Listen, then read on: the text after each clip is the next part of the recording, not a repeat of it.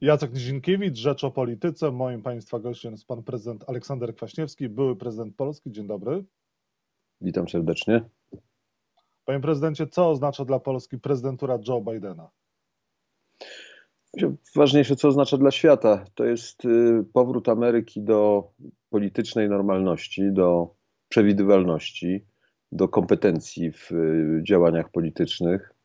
Y, to jest generalnie najlepsza wiadomość, czy jedna z dwóch najlepszych wiadomości w 20 minionym roku. Jedną to było wynalezienie szczepionki, to szybciej niż się spodziewano, a drugim było zwycięstwo Bidena. Innych dobrych faktów w minionym roku nie było. Więc a dlaczego? dobrze, że wygrał. A dlaczego ta prezydentura Donalda Trumpa była taka fatalna dla świata? No, polski rząd był bardzo zadowolony z tej prezydentury, no i chyba nie do końca podzielał pańską i podziela pańską radość ze zwycięstwa Bidena. No bo polski rząd jest takim też dość szczególnym rządem. Natomiast gdy spojrzymy na w trochę w szerszej perspektywie, to proszę zauważyć, że e, ta koncepcja Trumpa America First oznaczała nie mniej, nie więcej, tylko taki prymat egoizmu amerykańskiego, e, nie liczenia się z partnerami, osłabiania, wręcz niszczenia struktur wielostronnych. Amerykanie wyszli z Organizacji Zdrowia, wyszli z Paktu Klimatycznego, w ten sposób niejako pokazując plecy całemu światu, który tylko zjednoczony i tylko również z udziałem Ameryki może walczyć z tymi największymi zagrożeniami. Trump w polityce wewnętrznej postawił na bardzo silny podział i może to się też podobało naszym rządzącym, bo PiS y, używa tej samej metody. To znaczy, y, oponent nie jest y, tylko inaczej myślącym człowiekiem, a jest wrogiem i z tym wrogiem trzeba, trzeba walczyć. Temu wrogowi trzeba odmawiać różnego rodzaju praw i, i, i godności, więc to, to, drugi element polityki Trumpa, który, który był fatalny. Poza tym Trump wprowadził taki styl polityczny, który moim zdaniem, gdyby był kontynuowany, doprowadziłby do ogromnych konfliktów. To znaczy, on się nie liczył z opinią doradców, prowadził politykę poprzez tweet, tweety. Była to działalność bardzo emocjonalna. Nie, nie liczył się z danymi, nie liczył się z faktami, często kłamał. Używał zresztą tych argumentów kłamliwych z całkowitą powagą i, i, i, nie dopuszczał, że, że może być inaczej. No mówiąc krótko, ja nie odmawiam Trumpowi pewnych sukcesów i, i pewno historia go oceni łagodniej niż my dzisiaj, ale z punktu widzenia takiego ładu międzynarodowego i przewidywalności, to moim zdaniem straty, jakie zostały tu poniesione, były ogromne. Osłabienie relacji amerykańskich z Unią Europejską, w sumie bardzo taki mało życzliwy stosunek do, do NATO. Pamiętam jego pierwsze słowa, kiedy mówił, że jest to organizacja przestarzała i w gruncie rzeczy najlepiej być może byłoby ją rozwiązywać. Później na szczęście w wyniku swoich doradców, nacisku doradców zmienił to zdanie. No, długo by mówić, ale w moim przekonaniu dobrze się stało, że Ameryka zyskuje w tej chwili lidera, który jest poważny, który jest kompetentny, który jest przewidywalny i który jest empatyczny, który po prostu nie, nie kieruje całego swojego myślenia na swoją własną osobę, swoją karierę, swoją pozycję, image i tak dalej, ale rozumie, że jest prezydentem w imię wyższych interesów, interesów nie tylko amerykańskich, ale też interesów światowych.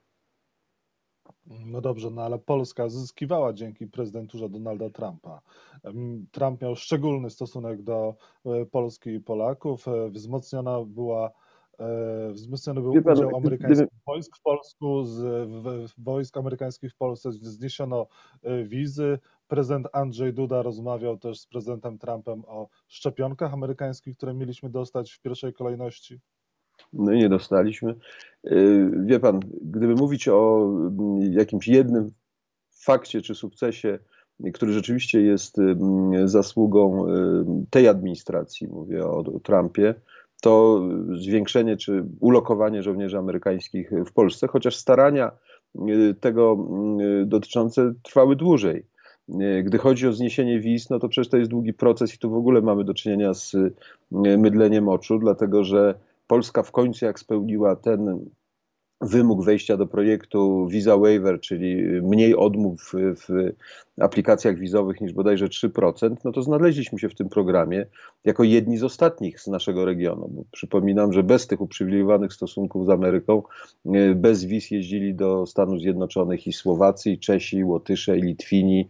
E, my zdaje się z Rumunami chyba i Bułgarami zostaliśmy na końcu, na końcu tej, tej, tej listy, więc wie pan, to jest taki sukces rozdmuchany. Oczywiście ja się cieszę, bo, bo wygodniej jest jeździć bez wiz niż z wizami, ale no nie jest to żadna wielka zasługa tej właśnie administracji. Natomiast to, co bardziej groźne dla nas z punktu widzenia strategicznego, to właśnie fakt, że Amerykanie Trumpa weszli na taką ścieżkę silnie konfrontacyjną z Unią Europejską, co nikomu moim zdaniem na dłuższą metę nie przyniosłoby dobrych skutków. To, że Trump, mówię, był tak na początku wachliwy, gdy chodzi o sprawy natowskie. Także ten bilans pożytków dla Polski wydaje mi się dosyć skromny, jeżeli tak spojrzymy na to szerzej, a nie tylko z perspektywy uśmiechów czy propagandy, która była e, tutaj prowadzona. To, że PiSowi Trump ze swoją metodą polityczną się podobał, czyli nie liczeniem się z y, politycznymi oponentami, taką swoistą brutalnością, także werbalną w, w działaniach, no to ja to rozumiem, bo, bo to pewno podobna psychologia, ale, ale jeżeli mówimy tak surowo i obiektywnie o tych korzyściach, to ta lista nie jest bardzo długa.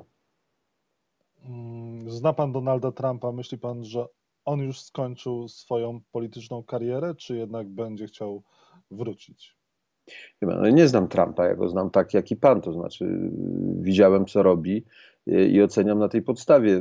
Ja myślę, że jego ego jest, jest y, nieograniczone i on tak łatwo y, nie zrezygnuje. On będzie starał się w jakiś sposób być obecny, tylko że napotka nowe trudności, bo jak słyszę, że on chce zakładać partię polityczną, no to jego głównym wrogiem nie będzie Biden, tylko będą republikanie. Dlatego, że dla partii republikańskiej powstanie partii, która będzie korzystała po części z głosów, które są na republikanów, jest samobójstwem. I tutaj będzie bardzo silna kontra ze strony tego środowiska, które do tej pory było z Trumpem y, związane. Ktoś mówi, że on będzie chciał zakładać wielki koncern medialny. Może, tylko że wiemy, że Trump nie lubi wydawać własnych pieniędzy, więc będzie musiał znaleźć gdzieś te pieniądze na zewnątrz, albo partnerów, którzy będą chcieli zainwestować miliardy. A po drugie, to nie jest tak, że na rynku amerykańskim wszyscy czekają na nowy koncern y, Donalda Trumpa. Y, tam ten tort jest podzielony i tam też jest wielka konkurencja i myślę, że napotka też tu wielki opór, gdyby chciał pójść w tą stronę. Y, oczywiście on ma cały czas swoje biznesy rodzinne, które są prowadzone i niewątpliwie tutaj wykorzystanie y, marki, która i tak już była znana przed prezydenturą, a teraz jeszcze jest znana bardziej, y, to może być jakiś pomysł. Y, z kilkoma krajami utrzymywał nadzwyczajnie dobre kontakty, szczególnie myślę o Bliskim Wschodzie, więc pewno to też może profitować. Także on się, on, on będzie coś robił, natomiast problem poważniejszy polityczny to nie jest y, sam Trump, bo Trump przegrał wybory, nawet jeżeli nie dopuszcza tej myśli do siebie, ale, y, ale przegrał. Natomiast Trumpizm, czyli ten sposób myślenia popierany przez ogromną część Amerykanów, pewno nie wszystkich 75 milionów, no ale, ale duży, duży odłam amerykańskiej społeczności, no to jest problem. To jest problem dla Bidena, to jest problem dla jedności amerykańskiej, bo trzeba z tymi ludźmi rozmawiać, trzeba znaleźć klucz do, do nich. No, Joe Biden zaczął to w tym swoim przemówieniu inauguracyjnym, powiedział bardzo pięknie, możemy się nie zgadzać, ale posłuchajmy się nawzajem, zobaczcie co robi, spójrzcie w moje serce.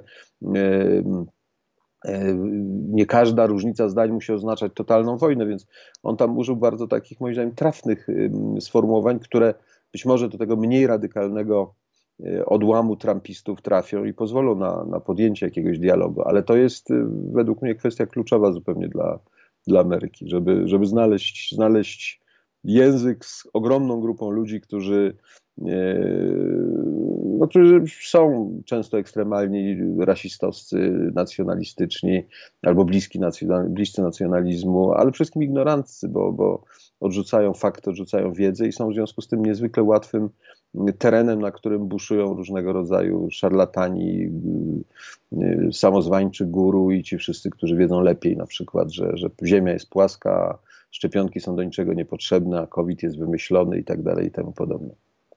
A czy prezydent Biden znajdzie wspólny język z prezydentem Andrzejem Dudą? No w Polsce słyszymy chociażby z ust ministra Waszczykowskiego, byłego szefa ONZ-u, że wybory w USA nie były uczciwe.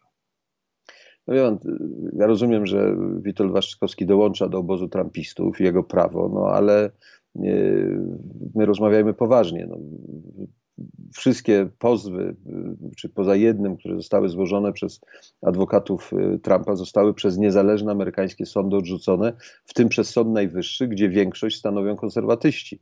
Trump jest bardzo dumny, że on doprowadził do takiej silnej przewagi konserwatystów w amerykańskim Sądzie Najwyższym 6 do 3, która będzie trwała latami. No i ten sąd y, zdominowany przez konserwatystów też uznał, że w tej grze politycznej, w, tym, w, tym, y, w tej chucpie nie będzie, nie będzie uczestniczył. Więc jeżeli Witold Waszczykowski e, chce, chce w tym brać udział, no to cóż, jego decyzja. Natomiast y, relacje Biden-Duda, wie pan, będą normalne. Znaczy, pewno nie będzie tak słodko na pokaz jak, jak z Trumpem, bo nie ma powodów. Natomiast Biden jest człowiekiem poważnym. On nie nosi uraz w sercu, bo, bo za długo żyje i za dużo przeżył, żeby takimi drobiazgami, jak ktoś, kto kiedy mu przysłał życzenia, przejmować się.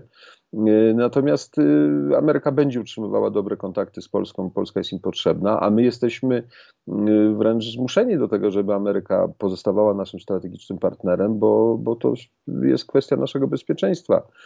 To, co moim zdaniem y, Polska powinna zrobić, jeżeli chce lepiej przygotować się na relacje z Bidenem, to wzmocnić swoją pozycję wewnątrz Unii Europejskiej. Bo Biden niewątpliwie będzie odbudowywał relacje amerykańsko-brukselskie, nazwijmy to, z Unią i dla niego będzie się liczyło to, kto ile wewnątrz Unii znaczy. Oczywiście będzie rozmawiał z Niemcami, Francuzami, ale by chętnie rozmawiał z Polską, gdyby wiedział na przykład, że Polska jest takim jednym z motorów e, europejskich i że można coś z Polską załatwić, co później będzie miało wymiar europejski. Myśmy tę pozycję stracili i będzie bardzo trudno odbudować przez najbliższe lata, a to by w relacjach z Bidenem pomogło. Drugą rzeczą, którą w relacjach z Bidenem e, można wykorzystać, e, ponieważ to jest człowiek, który w okresie wiceprezydentury zajmował się Ukrainą, e, to jego znajomość tego regionu i tu, gdyby Polska wykazywała spore kompetencje, gdy chodzi o Białoruś, o, Ukrainę, znajomość problemów, ludzi, jakiś pomysł na rozwiązanie trudnych, trudnych spraw, no to też wtedy nasza rola rośnie i wtedy też możemy być bardziej interesujący z punktu widzenia nowej administracji amerykańskiej. Panie prezydencie, a czy Joe Biden będzie interesował się i poruszał kwestię praworządności w Polsce? Niewątpliwie tak, dlatego że to jest y, demokrata z krwi i kości. Poza tym jeden z elementów y, właśnie takiego no, zamknięcia etapu trumpizmu to jest powrót do zasad, y, w ogóle do zasad i do zasad praworządności również. W administracji amerykańskiej będzie, w administracji Bidena będzie wielu ludzi, którzy Polskę znają i którzy obserwują to, co się u nas dzieje E, i niewątpliwie oni będą informować e, Joe Bidena o tym, co, co im się nie podoba, czy co uważają za niewłaściwe. Więc e, tutaj na taryfę ulgową nie sposób liczyć. I wydaje mi się, że to też w tych działaniach strategicznych władz polskich trzeba wziąć pod uwagę, że no, pomysły typu, tak powiem, podporządkowanie polityczne sądów, no to, to będzie krytykowane przez Amerykanów i to może być na wokandzie rozmów prezydentów, jeżeli do takich by doszło. E, Joe Biden i Kamala Harris dali e, nową nadzieję e, Amerykanom. Proponują rozpoczęcie wszystkiego od nowa, właściwie od zera, jak mówił Joe Biden. Czy w Polsce mamy takiego Joe Bidena? Czy mamy taką Kamalę Harris, która mogłaby, mogliby pokonać drugą stronę? Nie chodzi o dosłowny odpowiednik, ale też taką nadzieję. Czy widzi Pan w jakichś politykach E, taką siłę. Wie pan, no, te systemy nasze są nieporównywalne i, i, dlatego ja bym tu nie szukał ani Bidena, ani, ani Kamali Harris, bo, bo, bo, bo zapędzimy się w jakiś ślepy zaułek. Natomiast w Polsce oczywiście jest kwestia e, tego, że do wyborów są trzy lata, że opozycja e, musi, każdy w inny nieco sposób, ale musi wypracować i zarówno interesujące i adekwatne do sytuacji programy, i, i, znaleźć do tego ludzi, którzy będą wiarygodni, będą uzyskiwać sympatię społeczną, będą przekonywujący. Trochę tych ludzi jest. Zobaczymy, co będzie z ruchu Szymona Hołowni. Zobaczymy, w jaką stronę i kiedy obudzi się ostatecznie Platforma Obywatelska. Zastanawiam się, na ile uda się utrzymać jedność lewicy i, i wypracować program, który będzie jednak oddziaływał szerzej niż na kilka procent elektoratu. Więc to wszystko będziemy obserwować. Liderzy niestety nie rodzą się na kamieniu. To nie jest tak, że można jakiejś inżynierii politycznej ich produkować. Takie wydmuszki można oczywiście. Tutaj jest wiele metod PR-owskich, żeby żeby, żeby takie postaci się pojawiły, ale prawdziwi liderzy y, to, to jest długi proces. Y, I, I, jak mówię, to, to się nie zdarza tak często. Więc z tym mają kłopot w tej chwili. Y, ale myślę, że ten kłopot jest po obu stronach polskiej sceny, bo PiS po Kaczyńskim będzie miał ten sam problem z, z takim przywództwem wyrazistym i akceptowanym wewnątrz tego obozu. Natomiast proszę pamiętać, że polityka zmienia się także w wyniku wydarzeń, a może nawet bardziej się zmienia w wyniku wydarzeń niż jakichś takich zaplanowanych projektów. Niewątpliwie Trump byłby bliżej sukcesu i możliwości reelekcji, gdyby nie COVID i jego stosunek do pandemii. Przypomnijmy, Trump na początku lekceważył w ogóle tę pandemię, później dezawuował ekspertów, później sam występował w roli eksperta, proponując jakieś różne leki czy środki, y, które okazywało się prowadzą w ogóle do, do, do nieszczęść. Później okazało się, że organizacyjnie Stany Zjednoczone mają kłopot, żeby to opanować, z czego wynika wielka ilość zachorowań i jeden z najwyższych wskaźników śmiertelności. COVID obnażył słabość służb publicznych, szczególnie tych w dziedzinie ochrony zdrowia w Ameryce. A, a Trump był tym, który zakwestionował Obamacare, czyli rozszerzenie tych, tych usług.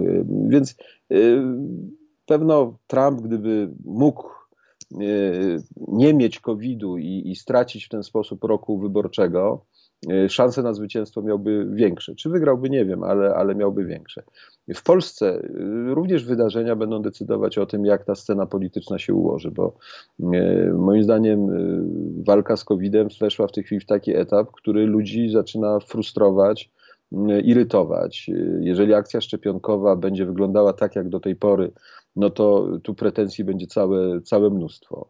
E, przedłużające się te zakazy powodują też takie zmęczenie społeczne i, i złość.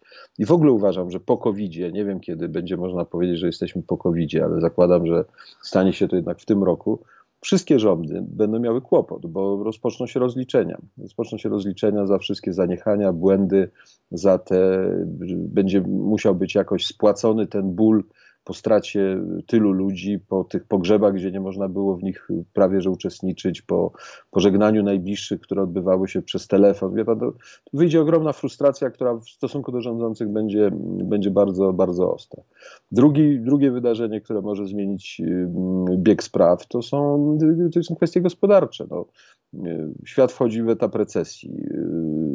Zobaczymy, jak będzie wyglądało to, ile będzie mm, straconych miejsc pracy, ile przedsiębiorstw będzie musiało być zamkniętych, ile ludzi będzie szukało swojej perspektywy. Więc to jest drugi, drugi wątek, który, który moim zdaniem będzie przez najbliższe miesiące i lata decydował o układzie sił politycznych w Polsce.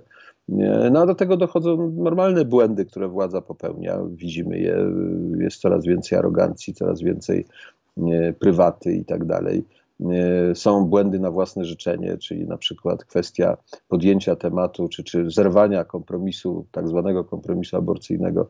Więc wie pan, Dzisiaj ja bym nie szukał ani Bidena, ani Kamali Harris, y, ponieważ to jest, jak mówię, droga donikąd, ale, ale bardziej bym szukał y, sprawnych y, liderów w poszczególnych partiach, którzy umieją po pierwsze zgromadzić wokół siebie dobrych ludzi, ekspertów, rozumieją wyzwania czasu i przedstawią dobry program i wiarygodnych, wiarygodnych wykonawców tego programu opinii publicznej i będą mieli się komunikować ze społeczeństwem, bo sprawa komunikacji w tej chwili jest zupełnie zasadnicza. Ten, ten świat komunikacji politycznej zmienił się w ostatnich 20 latach zupełnie.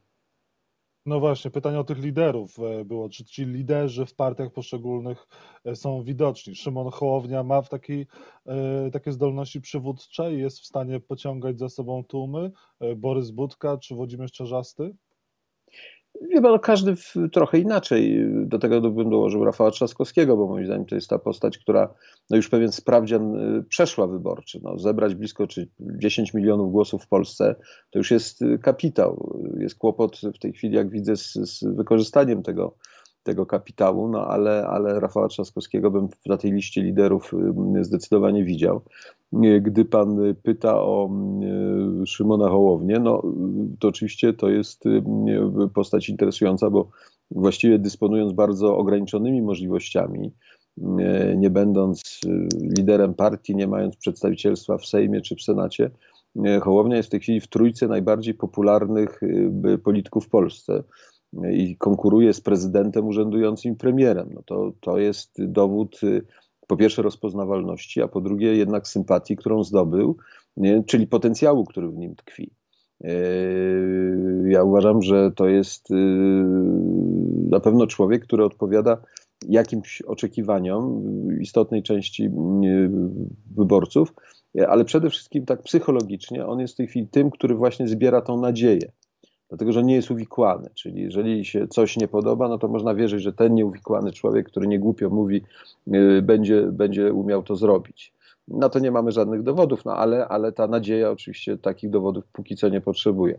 Yy, I ta nadzieja może być yy, największą siłą Szymona Hołowni, bo on w ten sposób może zbierać głosy tych, którzy poszukują jakiejś właśnie nadziei i ze strony prawej, i ze strony środkowej, i może po części tej centrolewicowej również.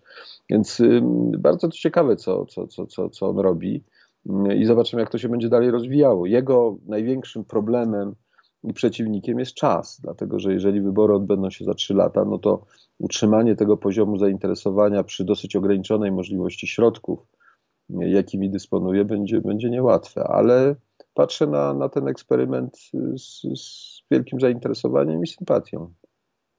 E, trzy ostatnie kwestie. Pan Piotr Wawrzyk, poseł Prawa i Sprawiedliwości i minister e, rządów Zjednoczonej Prawicy, został wczoraj przez Sejm wybrany nowym rzecznikiem praw obywatelskich. Prawdopodobnie jego kandydaturę odrzuci Senat. No ale co oznacza ten wybór? No, pan Piotr Wawrzyk wcześniej chciał odwołania doktora Adama Bodnara ze stanowiska rzecznika, ponieważ był uwikłany politycznie, a tymczasem ma się przesiąść z fotela posła PiS na fotel Rzecznika Praw Obywatelskich.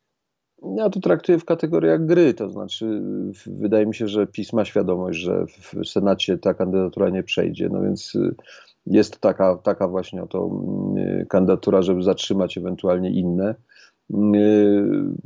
To jest niestety dowód tego, tej, tej choroby, która toczy Polskę, że jesteśmy tak podzieleni, że brakuje umiejętności porozumienia się, rozmowy na temat czegoś, co wychodziłoby ponad partyjne podziały. Rzecznik Praw Obywatelskich to jest to stanowisko, które powinno mieć charakter ponadpartyjny. Oczywiście ktoś, każdy z nich ma swoje poglądy, ktoś jest bardziej lewicowy, ktoś jest bardziej prawicowy, ale to nie jest y, nic złego w sytuacji, kiedy wybór dokonywałby się w wyniku takiego ponadpartyjnego porozumienia. Ale jak y, zauważa pan, tu nie ma nawet prób ani ze strony PiSu, bo to oni powinni taką próbę podjąć, y, ani innych, żeby no, siąść, spotkać się w gronie liderów ugrupowań parlamentarnych, bo to one w obu izbach decydują, kto będzie rzecznikiem, i odpowiedzieć sobie na pytanie, kto mógłby być dobrym rzecznikiem praw obywatelskich, a więc dobry prawnik z niezbędnym doświadczeniem, z empatią społeczną, z kulturą osobistą, a jednocześnie no, który zachowując swoje poglądy, no, byłby bezstronny i, i mógłby cieszyć się poparciem jednych i drugich. To by, to by rzeczywiście pokazywało, że w Polsce różnimy się, ale potrafimy ze sobą rozmawiać, a w Polsce niestety różnimy się, ale potrafimy na siebie albo warczeć, albo obrażać się nawzajem, albo w ogóle nie dyskutować i, i żyć w osobnych bańkach informacyjnych i w tych dwóch właśnie plemionach zwalczających się, jak to obserwujemy w ostatnich latach. Panie prezydencie, a pan czeka na szczepienie? Kiedy pan się zaszczepił? Bo jak rozumiem, e, czeka pan w kolejce. Pojęcia nie mam. No, mm, zgłosiłem się do przychodni na Wilanowie, do, do, gdzie jesteśmy pod stałą opieką wspaniałego e, lekarza e, i e, tam nie ma, żaden system jeszcze nie działa, więc jesteśmy wpisani, że tak powiem, do zeszytu. No i jak przyjdzie kolej, to będziemy szczepieni. Na razie trzymamy się, jestem za granicą i trzymamy się tutaj reżimów sanitarnych, które są nieprzesadnie ostre, ale za to są y, bardzo stosowane. To znaczy tu nie ma, nie ma wyjątków i, i, i nie ma żadnych ale i mało tego, jeżeli się tego nie robi, to kary też są dosyć, dosyć surowe. Ale, ale dzięki temu można jeździć na przykład na nartach, można w miarę, w miarę normalnie żyć. Na koniec, panie prezydencie, zmarł Papcio Chmiel, autor Tytusa Romka i Atomka. Pan czytał kiedyś e, te komiksy? Zbierał pan Tytusy? No a kto nie czytał? No niech ma, z mojego pokolenia szczególnie. Papcio Chmiel ma 97 lat. No to jest, to jest y, inne pokolenie niż moje, ale oczywiście myśmy wszyscy na nim byli wychowywani, tym bardziej, że wie pan, Papcio Chmiel z, z komiksami, z Tytusem i Romkiem i Atomkiem on działał w czasach, kiedy to, było, to był rarytas. No, myśmy nie mieli wtedy telewizji, mieliśmy telewizję, ale z jednym programem, nie, nie mieliśmy dostępu do tych komiksów y, światowych. Młodym powiem, że nie było wtedy, co wydaje się niewyobrażalne, internetu, ani telefonów komórkowych, więc ten Papcio Chmiel dla nas to była niezwykła atrakcja i właściwie y, nie wydaje mi się, żeby ktokolwiek z mojego, z mojego pokolenia nie znał, nie znał tych komiksów i, i, i nie, nie darzył niezwykłym szacunkiem i sympatią Papcia Chmiela. Sympatia do Papcia Chmiela chyba łączy nas wszystkich. Bardzo dziękuję panie prezydencie za rozmowę. Dziękuję bardzo. Dziękuję i życzę dobrego dnia, zdrowia przede wszystkim.